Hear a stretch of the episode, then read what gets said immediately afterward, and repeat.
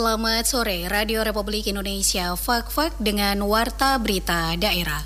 Beliau memaksakan diri, ya mungkin ada sedikit pengetahuan untuk mengevakuasi jenis ular piton tersebut. Setelah itu mereka menghubungi tim rescue kami di Reptil Aqua Community untuk mengamankan ular piton tersebut.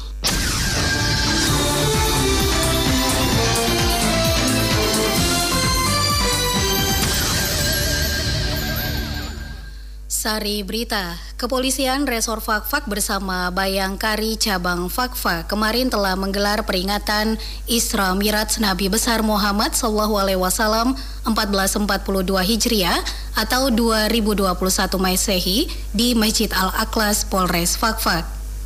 Pemberlakuan sertifikat tanah elektronik bagi masyarakat oleh Badan Pertanahan Nasional sebagai wujud untuk memudahkan masyarakat agar tidak lagi memegang lembaran sertifikat. Itulah berita utama edisi hari ini, Jumat tanggal 12 Maret 2021. Selengkapnya bersama saya, Apriantini.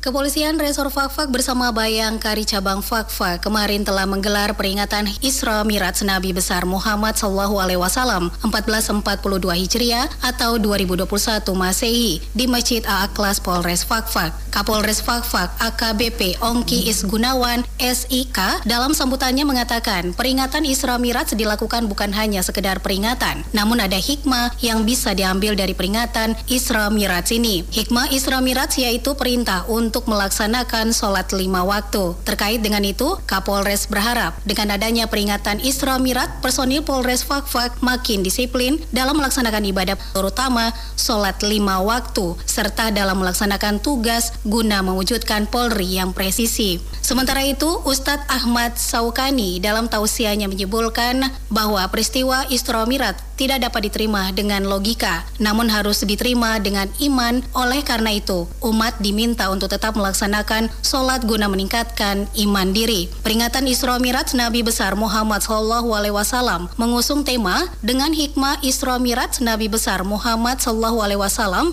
kita tingkatkan disiplin beribadah dan bekerja guna mewujudkan Polri yang presisi.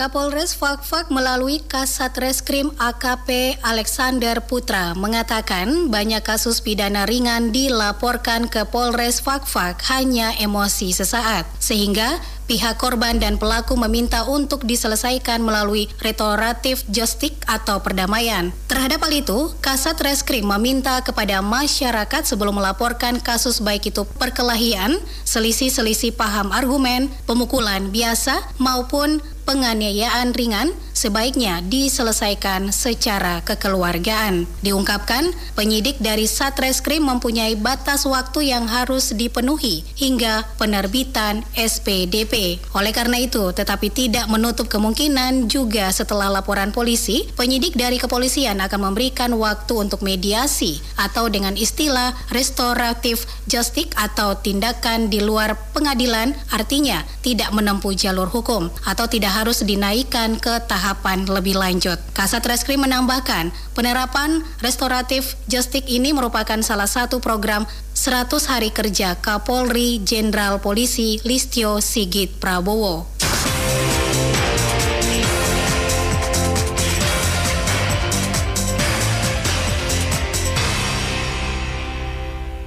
Pemberlakuan sertifikat tanah elektronik bagi masyarakat oleh Badan Pertanahan Nasional sebagai wujud untuk memudahkan masyarakat agar tidak lagi memegang lembaran sertifikat, tetapi hanya akan diberikan nomor sertifikat yang fisiknya hanya dapat dilihat dari kantor pertanahan. Kepala Kantor Pertanahan Kabupaten Fakfak, Magdalena Kipuy mengatakan, untuk kesiapan sertifikat tanah elektronik di kantor Badan Pertanahan Kabupaten Fakfak pada prinsipnya siap untuk menerapkan program tersebut. Namun proses pengalihan sertifikat dari lembaran kertas menuju sertifikat elektronik melalui sejumlah tahapan mulai dari data pendaftaran tanah hingga surat ukur dan warkah tanah sudah dalam bentuk scan, dan terupload di dalam aplikasi perkomputeran pertanahan Indonesia. Untuk kesiapan sertifikat elektronik di kantor pertanahan Kabupaten Papua, pada prinsipnya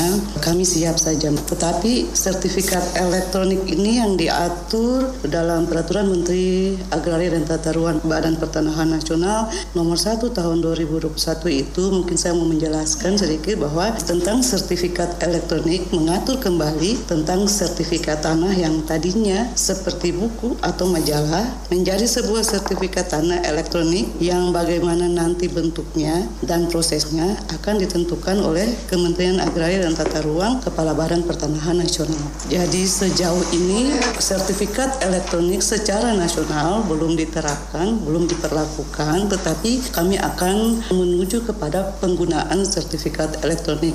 Sementara persyaratan-persyaratan pengurusan sertifikat tanah elektronik atau digitalisasi sama halnya dengan pembuatan surat tanah melalui lembaran kertas karena surat tanah elektronik ini hanya diperuntukkan bagi kantor-kantor pertanahan yang sudah benar-benar siap. Digitalisasi sertifikat tanah atau sertifikat tanah elektronik merupakan tuntutan perkembangan zaman yang kian canggih untuk mendukung percepatan layanan yang dapat dilakukan di mana pun dan kapan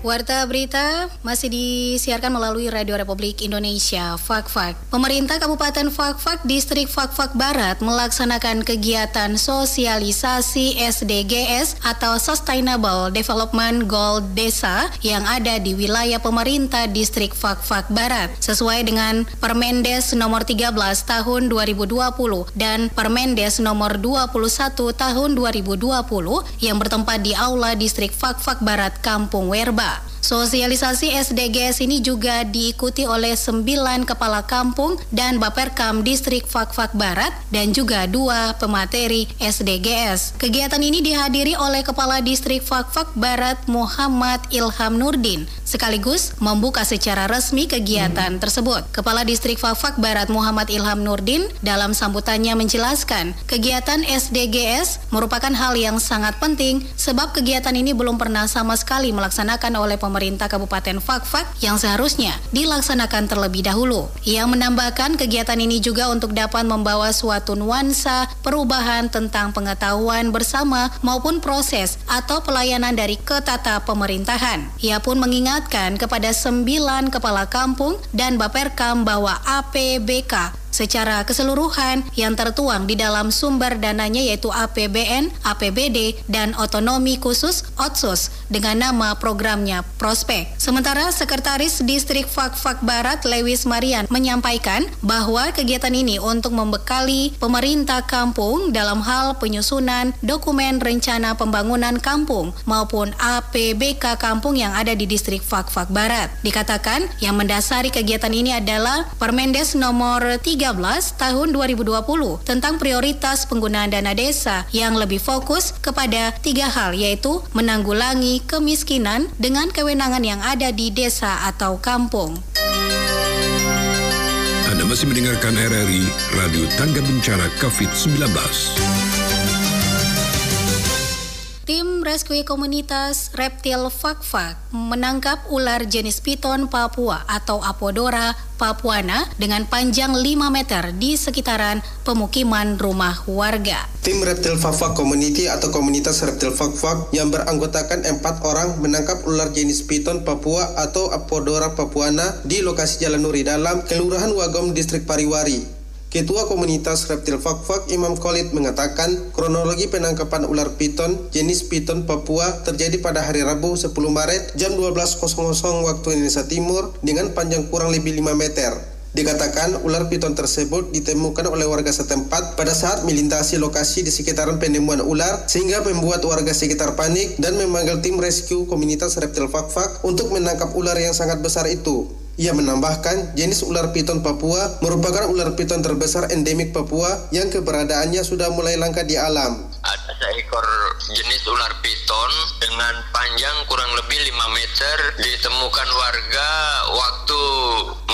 di daerah sekitaran itu. Terus kemudian ada salah satu seorang warga yang kebetulan anaknya juga anggota komunitas reptil papua. Beliau memaksakan diri, ya mungkin ada sedikit pengetahuan untuk mengevakuasi jenis ular piton tersebut. Setelah itu mereka menghubungi tim rescue kami di Reptil Papua Community untuk mengamankan ular piton tersebut.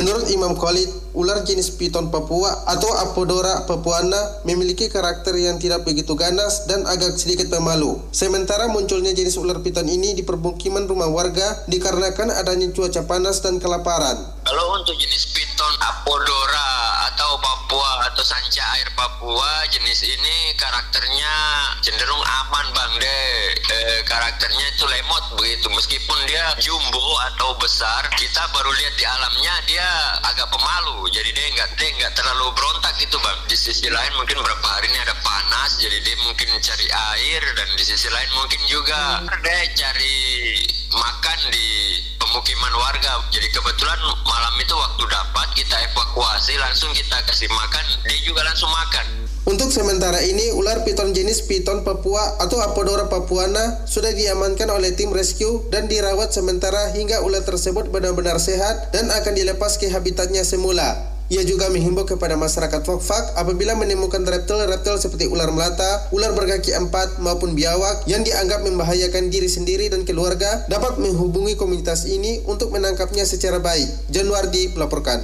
Sekian Warta Berita Daerah Produksi Radio Republik Indonesia Fakfak.